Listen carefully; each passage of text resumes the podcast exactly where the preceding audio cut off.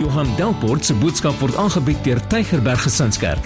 Vir meer inligting, besoek gerus gesinskerk.co.za of skakel gerus die kerkkantoor by 021 975 7566. Tygerberg Gesinskerk, kom vind jou geestelike tuiste. Ehm um, kyk asseblief op die raamwerk vir afkondigings. Staan saam met my op, staan saam met my op en sê lekker hard saam met my en sê dit asof jy dit bedoel. Dit is my Bybel. Ek is wat dit sê ek is. Ek het wat dit sê ek het. Ek kan doen wat dit sê ek kan doen. Met my mond bely ek met my hart glo ek dat Jesus die Here is. Amen. Amen. Baie dankie. Jy kan sit. Jy kan vanoggend jou Bybel oopmaak by Matteus 18 en ons gaan 'n paar verse lees vanaf vers 21. Matteus 18 vanaf vers 21. Ag vriende, ek is so bevoorreg om hierdie reeks saam met julle te kan doen. My gebed is sodat die Here hierdie reeks in jou hart kragtadig gebruik om jou oë oop te maak en om jou 'n verwagting te gee en 'n opgewondenheid te gee oor die Here. En ons het nou hierdie reeks gedoen en elke sonoggend het ons dieselfde inleiding. Dis net om, weet 'n inleiding is 'n manier vir 'n predikant net om sy preek aan die gang te kry. En as hy aan die gang is dan, soos maar 'n kerk, weet wat ek mag gebruik, so 'n kruk. Nee, 'n kerk nie, 'n kruk. Um maar ek bedoel dit wat ek sê. En wanneer wanneer Jesus se disippels na hom toe kom en hy sê in Lukas 11, die disippels sê Lukas 11 vers 1: "Here, leer ons bid soos Johannes sy disippels leer bid het." Dan moet jy weet ek en jy moet geleer word hoe om te bid. Ek en jy moet geleer word. Ek en jy moet aanmeld by die Here en sê Here, leer my bid. Dit is die eerste gebed wat in my en jou hart moet wees voordat ons werklik kan leer om te bid. Ek moet 'n behoefte hê om te wil bid. En as ek op daai plek is, is ek op 'n goeie plek, dan kan die Here met my begin werk.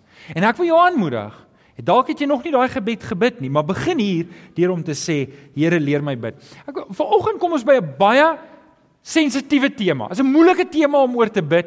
Maklik om oor te preek, maklik om die inligting net kan ek sê damp op die mense, maar so sensitiewe onderwerp en vanoggend veral wil ek hê jy moet weet, julle ouens, ons kan nie eintlik die Bybel vat en gebruik wat ek wil hê en sê nee, wat ek hou nie eintlik nou van die ander nie, so ek gaan dit nie gebruik nie. Ek kan nie besluit wat ek wil hê in die woord van die Here en kyk ons sê mos hoorie man, eet die vis en spoeg die grate uit, nê? Nee? Ons sê dit wanneer jy ou praat en dan sê nee man, eet die vis en nie, maar jy kan dit nie doen met die woord van die Here nie. Partykeer, die woord van die Here is 'n tweesnydende swaard. Partykeer maak hy gesond en ander kere moet hy uitsny. En vir oggend wil ek hê jy moet jou hart oopmaak want dalk is daar nodig dat daar uitgesny moet word in my en jou lewe. En ek wil hê julle moet weet, ek staan nie hier bo omdat ek in 'n hoër posisie is. Ek staan net hoër sodat julle my almal kan sien. Ek sou graag daaronder wou staan. OK, ek gaan deur dieselfde as wat jy deurgaan. En vir oggend se boodskap is 'n baie belangrike boodskap gaan nie 'n glamorous boodskap wees nie, gaan nie 'n flamboyante boodskap wees nie. Maar hier is 'n boodskap wat ons harte moet aanraak. Want hier is belangrike goed wat ek ver oggend met julle wil praat. Alraai, so jy kan um, kom ons lees eers saam. As julle vir ons Jimmy, um Jean, as julle vir ons daar agter kan opgooi net die um die onsse Vader. Kom ons lees hom saam, lekker hardop saam. 1 2 3. Ons Vader wat in die hemel is, laat U naam geheilig word. Laat die koninkryk kom. Laat die wil geskied op aarde soos in die hemel. Gee ons vandag ons daaglikse brood en vergeef ons ons vergifnis soos ons ook die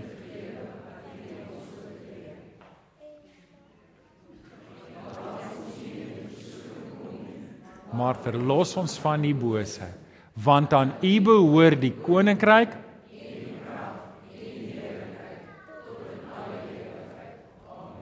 Amen. Amen.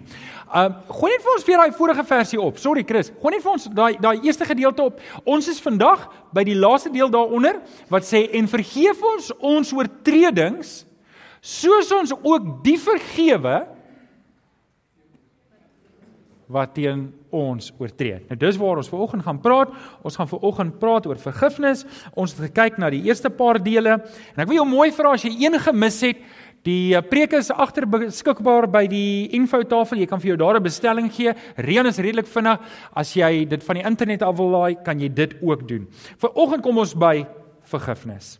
Vader, vergewe ons ons sondes. Vergewe ons ons oortredinge soos ons ook die vergewe wat teen ons oortree. Hierdie is so 'n belangrike onderwerp van al die onderwerpe wat Jesus in die Onse Vader aanraak. Brei hy uit net op hierdie onderwerp. Op geen onderwerp in die Onse Vader brei hy uit nie.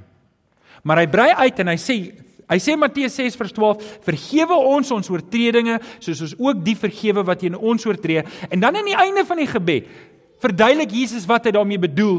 Oor niks anders verduidelik hy nie. En hy sê in vers 14 en 15: As julle ander mense hulle oortredings nie vergewe nie, of vergewe sal julle hemelse Vader julle ook vergewe. Maar as julle ander mense nie vergewe nie, sal julle Vader julle ook nie julle oortredings vergewe nie. Dis baie duidelik. Ons kan nie hier om kyk nie. Ons kan nie hier omkom nie.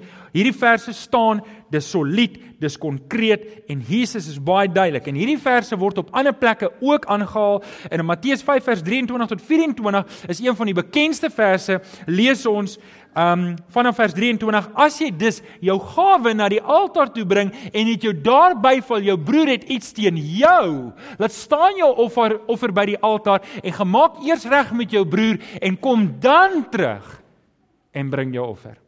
Ons kry nog een in Efesiërs 4 vers 23 wat sê as jy kwaad word, moenie sondig nie, moenie 'n dag kwaad afsluit nie. Hierdie is nie 'n groot tema in die Bybel nie. Hierdie is die groot tema in die Bybel. Wanneer ons praat oor vergifnis en ons praat oor verzoening. En ek wil 'n bietjie vir oggend op hierdie tema stil staan.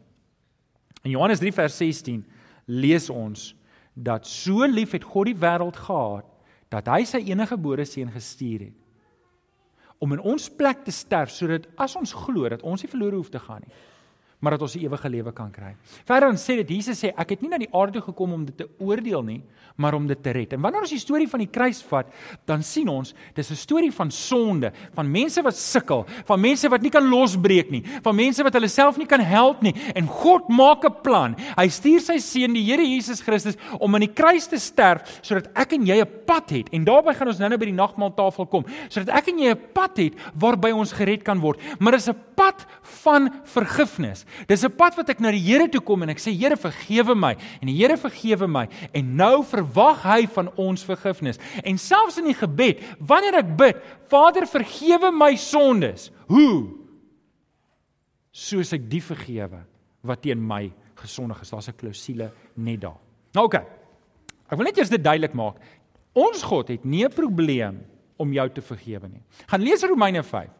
In Romeine 5 staan daar dat die dag toe die Here jou gered het, en dis 'n preek vir 'n ander dag. Jy moet dit self gaan maak 'n studie van Romeine 5. Het die Here klaar besluit toe jy weer gebore word dat hy vergewe al jou sondes tot die dag wat jy doodgaan.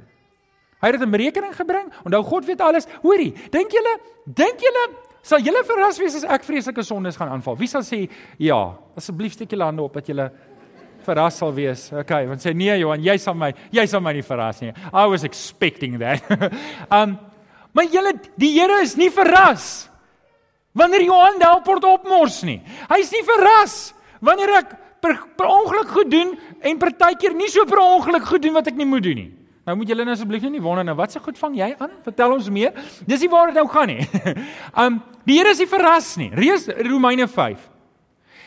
Die Here het 'n berekening gemaak en hy het besluit ek wil jou vergewe. Maar wat belangriker is is dit is dat ek wil hê jy moet ander mense vergewe. En ek hoop sodat die Here vir my kan help om hierdie hierdie onderwerp oop te breek dat jy kan vashou in die Here. En ek weet jy sit 'n paar vanoggend van julle wat regtig sukkel met hierdie ding. Jy sukkel om te vergewe. Jy sit vanoggend hier en eintlik is jou hart seer, jou hart is stikkend. Jou hart is, weet jy, ek praat eendag met 'n vroutjie, sy kom sien my, sy sê vir my, "Johan, ek sukkel." Ek praat met haar. Sy vertel vir my van al die verskriklike goed wat haar man met haar aangevang het. En um en sy kan hom nie vergeet nie. Sy sy sy's alles, alles diskant haat. Sy's alles alles net voordat sy by haat kom, is sy oor hierdie eksman van haar. Sy's so kwaad, sy's so woedend en sy's so die trane loop as sy praat en dan sy kwaad en en sy sommer so die mekaar en en alles is skeef vir hierdie vrou. En en sy kyk en en is 5 jaar terug wat hierdie man, die man is al lankal met 'n ander flerry weg. Hy dink nie eens aan hierdie vrou nie. En um, en hier is die vrou sy so stikkend. En dit kan wees dat dit is waar jy vanoggend is. Jy stikkend want jy kan nie laat gaan nie.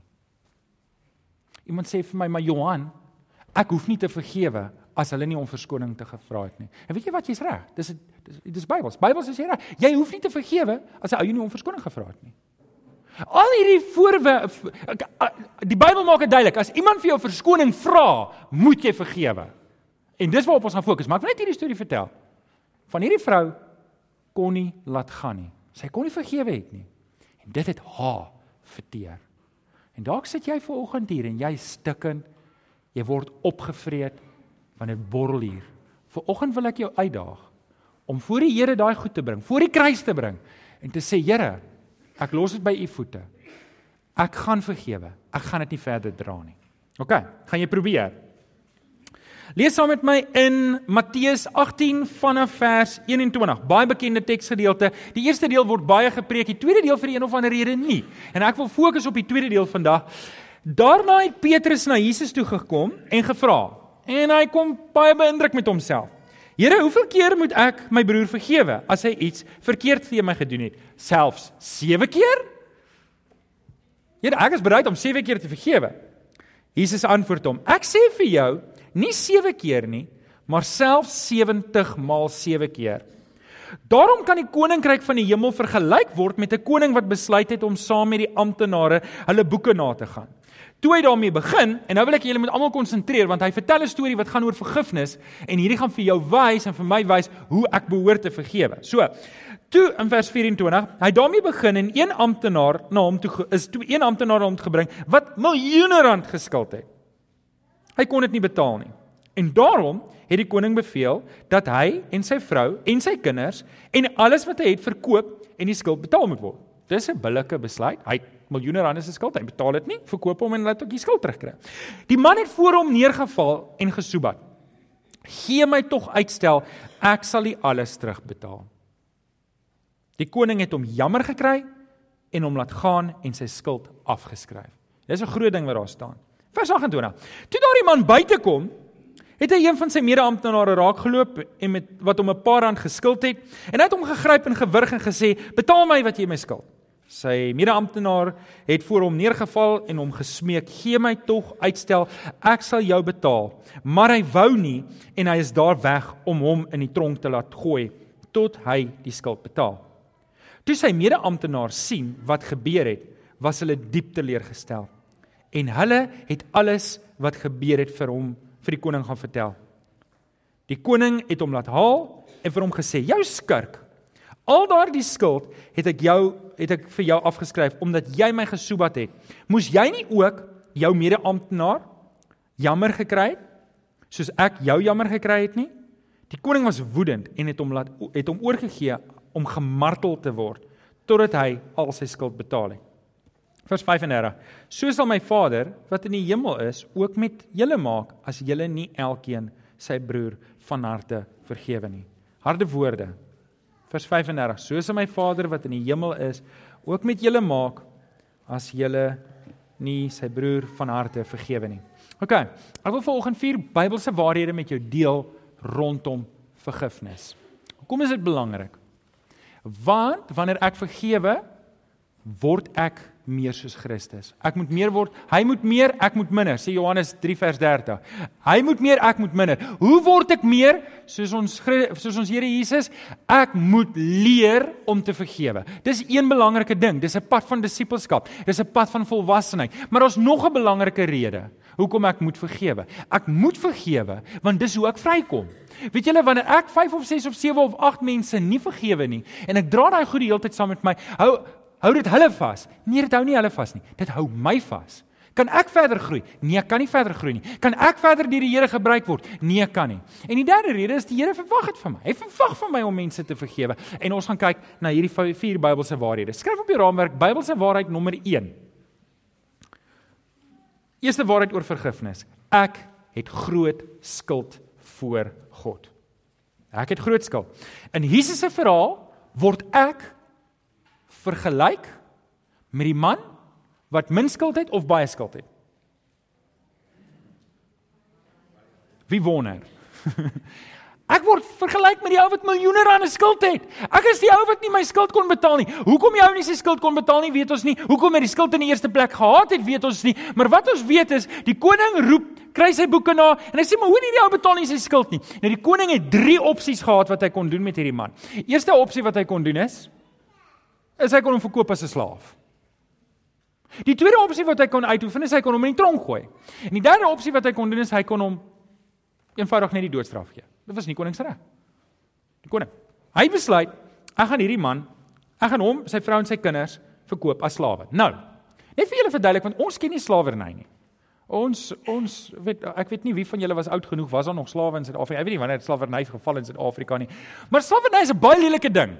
Dit is amper soos ek gaan game toe en ek koop vir my 'n nuwe skottelgoedwasser. Dis my skottelgoedwasser. Ek kan daarmee maak wat ek wil. Ek hoef nie iemand toe te toestemming te vra as ek my tekkies dan wil was nie. Is dit die beste ding om daarmee te doen? Waarskynlik nie. Maar het ek toestemming nodig? Nee. Is daar wette wat keer dat ek my tekkies in die skottelgoedwasser was? Nee, dis my skottelgoedwasser, ek kan daarmee doen wat ek wil. En net so, okay, dis 'n bietjie oordrewe, maar jy kry die idee. Net so was 'n slaaf nog 'n item in my huishouding. Om die waarheid te sê, was sekere reëls. Okay, die Jode het ander reëls gehad, maar in daai tyd, as ek 'n slaaf gekoop het, was hy myne totdat hy dood neerslaan. Sou ek 'n slavinnetjie gehad het,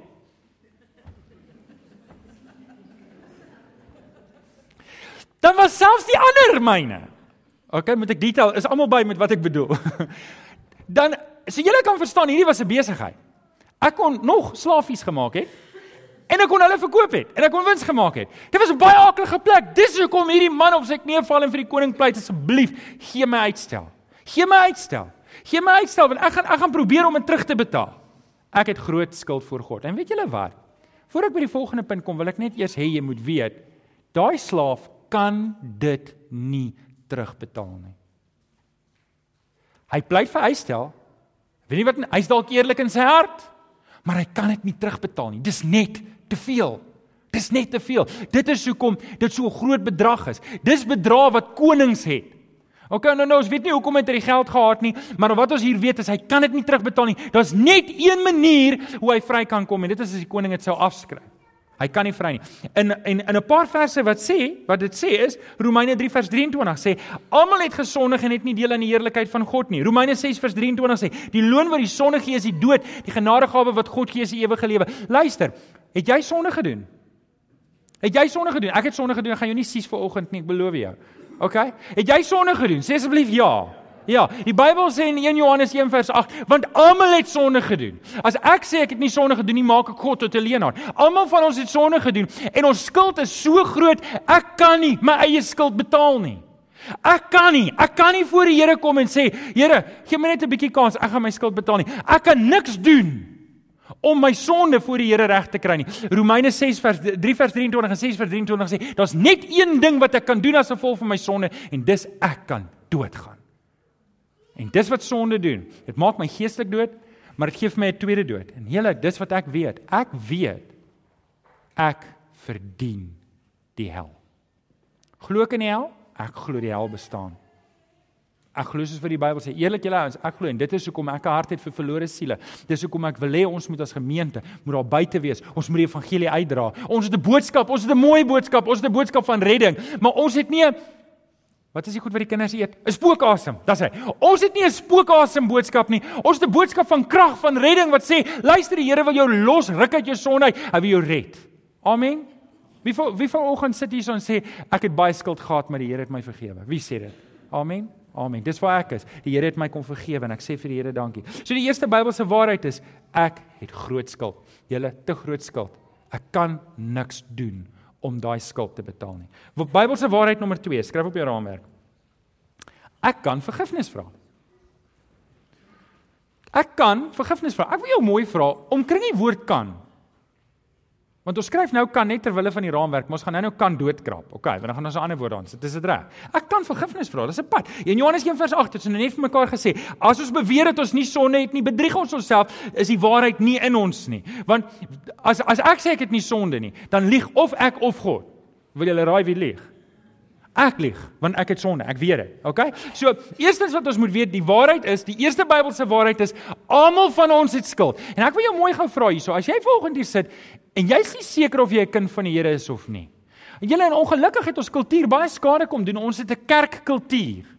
Dis reg om kerk toe te kom, is die regte ding. Op 'n Sondagoggend trek ons aan en ons gaan kerk toe. Weet, baie ouens het daai kultuur afgegee, maar dit kan wees dat jy vanoggend hier sit en sê, ek het 'n kerkkultuur. Ek kom kerk toe want dit is die regte ding om te doen, maar jy het nie 'n verhouding met die Here nie. Jy loop nog steeds met die skuld. Jy is nog steeds in skuld by die Here en jy het nog nooit gekom op die plek wat jy die skuld voor die Here gebring het nie. Wel, ek wil vanoggend hê jy moet mooi verstaan, die Here het vir jou 'n pad gemaak. Hierdie is 'n Bybelse waarheid. Jy kan na die Here toe kom. Kyk wat doen die koning. Die koning is nie ontoeganklik nie. Hy laat die man inroep. Hy sê, hier's jou straf. Jy gaan verkoop word as 'n slaaf. Hy gee hom kans om homself te verduidelik. En wat doen hy? Hy val neer en hy pleit. Hy pleit. Julle dis 'n plek om te wees in nederigheid voor die Here. In nederigheid voor God. En nou wil ek hê jy moet daai kan het jy hom doodgekrap op jou raamwerk. Skryf bo kan moet. Ek moet na die Here toe kom. Ek moet na die Here. Ek moet voor die Here kom. Ek moet voor die Here kom pleit. Here vergewe my. Ek moet maak soos daai slaaf. En as jy vanoggend hier is en jy's nie 'n kind van die Here nie, dan's dit die ding wat jy moet doen. Jy moet voor die Here gaan neerval en jy moet vir die Here gaan pleit. Here, ek kan nie my skuld betaal nie. Ek is nie soos daai ou nie. Hy gaan nog probeer. Ek kan nie. Ek kan nie. Ek moet kom pleit vir vergifnis. Dit bring ons by die derde waarheid. Skryf op jou raamwerk. God skryf al my sondes af. Wat is mooi in daai vers? In Matteus 18 sê die koning het die dienskneg jammer gekry. Al ooit iemand jammer gekry? Hoorie, ek ry by die robot, ek gebruik baie hierdie illustrasie en dan kom 'n klein seentjie na my toe en hy hou sy handjies. Wie van julle kry hom jammer? Jy kyk weg, maar jy kry hom jammer. Né? Nee? Jy kry hom jammer want jy weet hierdie ouetjie het niks nie. Jy weet as jy vir hom geld gee, gaan hy die verkeerde goed daarmee koop maar jy kry hom jammer en jy weet nie hoe om te maak nie. Dis 'n is 'n baie slegte plek om te wees, is dat jy weet hierdie is verkeerd, maar jy weet nie wat om daaraan te doen nie. Jy het nie die mag nie, jy het nie die autoriteit nie, jy het nie die resources om hierdie ouetjie te help nie. En ek wil hê jy moet vanoggend weet dat daardie man val op sy knieë voor die koning. Die koning kan iets doen. Ek en jy, as ek en jy vanoggend voor die Here is en ons pleit vir vergifnis en ons pleit dat die Here iets moet kom doen, dan is dit nie soos ek en jy wat vir die arm seentjies en ons kry hom net jammer want dit is al wat ons kan het nie. Wanneer God jammer kry, neem hy aksie. En ek wil hê jy moet weet, dalk het jy pyn in jou hart vanoggend. Dalk is daar goed in jou hart wat jou regtig seermaak en en en as jy daaraan dink, dan raak jy woedend en dit vreet jou op. Dan moet jy weet die Here weet daarvan. Niks is vir hom weggesteek nie. En hy wil jou help. Hy wil jou help, maar jy moet hom vertrou en jy moet na hom toe kom. Daai man val neer en die en die koning kry hom jammer. En wat doen die koning? Hy skryf al die skuld af. Want hy's nie ek wat vir die arm seentjie jammer kry en net aanry na die volgende robot om die volgende arm seentjie jammer te kry nie. Dis nie hoe God is nie. Our God is able. Hy kan. Sê gou vir die ou langs aan, God kan jou help. Dalk het jy dit nie geweet nie. En dalk sit jy in 'n situasie dat jy weet dit nie, jy het dit nog tot nou toe nie gehoor nie. En ek wil hê jy moet vanoggend weet, ek weet nie wat jou situasie is nie. Ek weet nie wat jou terughou om te groei in die Here nie, maar God kan jou help. Sê asseblief amen toe. Hoe het hy dit gedoen? Hy het dit gedoen deur die kruis van Jesus. Ek wys vir julle weer die nagmaaltafel. Hy het 'n plan gemaak. Wat dink julle sou gebeur het as die man het gesê het Ag koning, weet jy wat? Verkoop my as 'n slaaf. Verkoop my as 'n slaaf. Kom ons kyk wat gebeur. Dink jy hy sou genade gekry het? Wat moes hy doen om genade te kry? Hy moes by die koning vra. Hy moes pleit.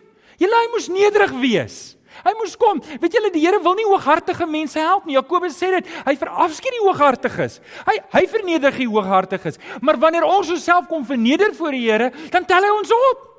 Wil jy opgetel word deur die Here? Kom na die Here toe en en verneder jouself. Bring jouself laag. Maak, weet jy wat? Ek het nie 'n probleem. Ek weet waar die Here my gered het.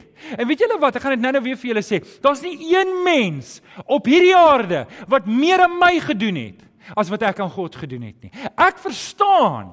Ek verstaan baie goed hoe dit moet wees om van baie vergewe te wees. Ek verstaan hoe dit is as daar baie afgeskryf is. Ek weet dit.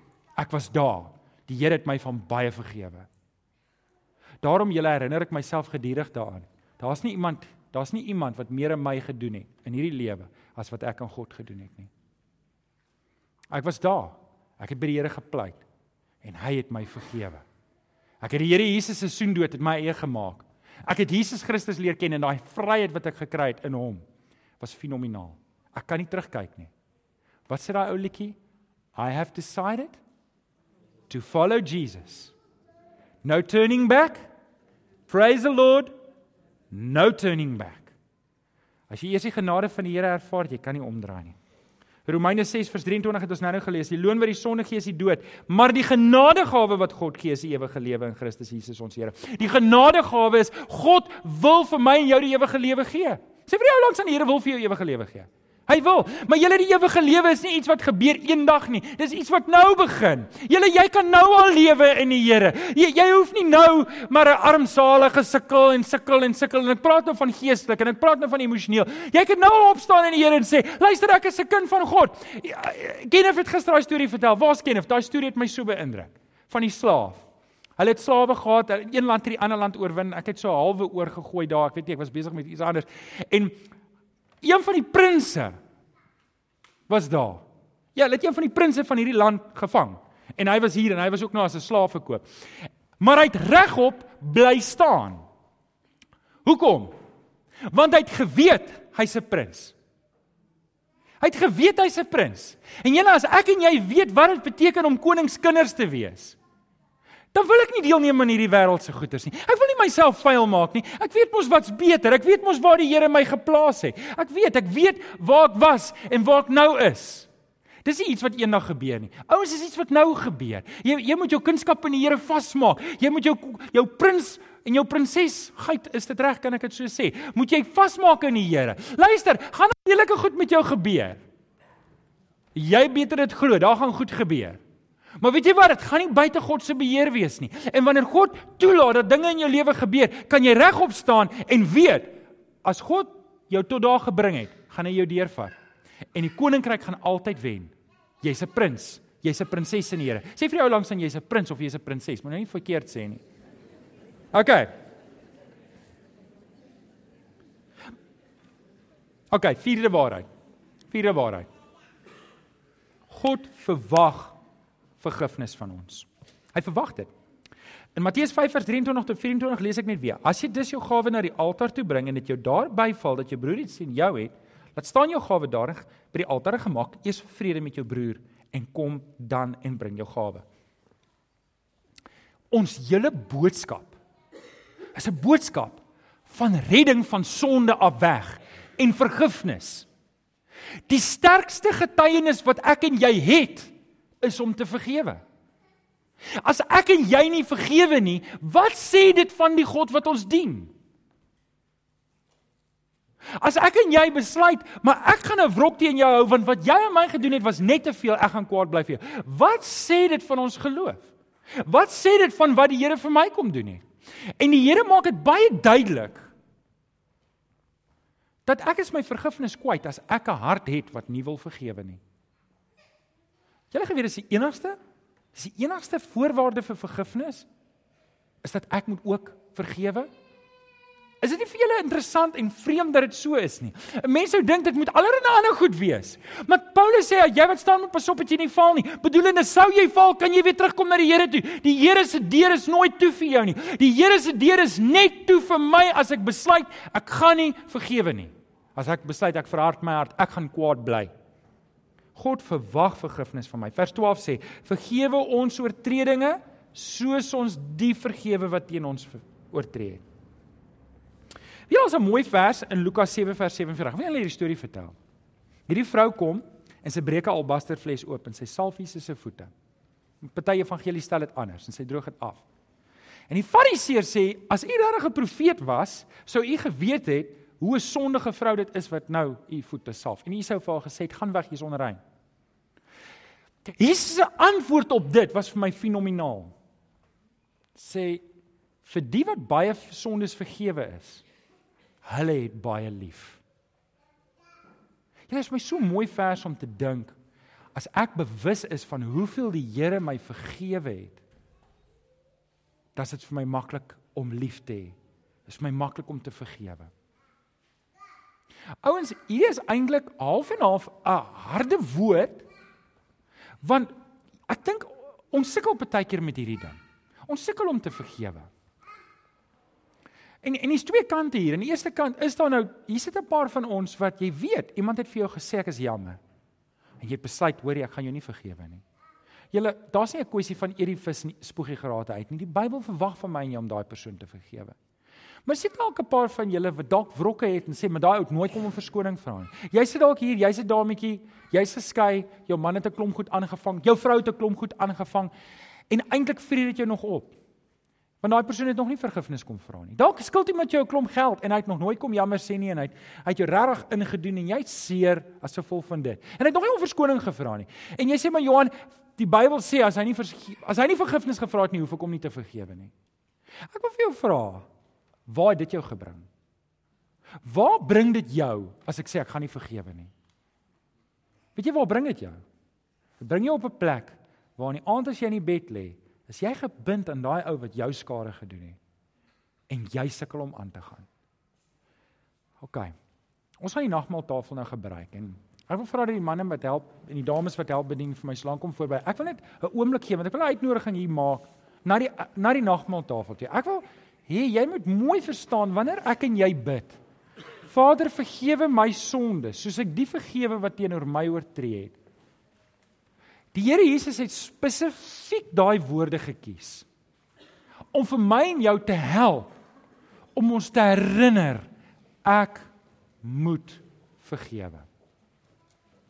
Terwyl ons die nagmaaltafel voorberei, wil ek gou-gou hê, maak toe jou oë, net daar waar jy is, maak toe jou oë en gee dit 'n kans. Ek ek wil net jou jou hart 'n bietjie lei, laat jy nie af jou aandag afgetrek word nou nie. Waar staan jy vir oggend? Het jy iemand wat jy nog moet vergewe? Maak sit jy ver oggend hier en jy's regtig kwaad. Net die feit dat ek oor hierdie onderwerp praat, maak jy sommer van vooraf kwaad, maak jy van vooraf seer, maak dat jy van vooraf al die emosies weer beleef.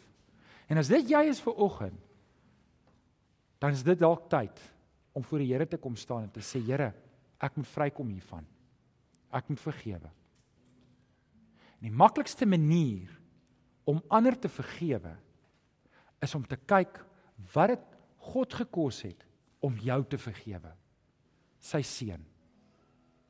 Hy het baie afgeskryf sodat ek en jy ver oggend hier kan sit as vrygekoop. Vergewe. Gaan skryf dit af. Vergewe. Daai daai goed wat nou teen in jou hart is, skryf dit af. Moet dit nie verder teen daai persoon hou nie.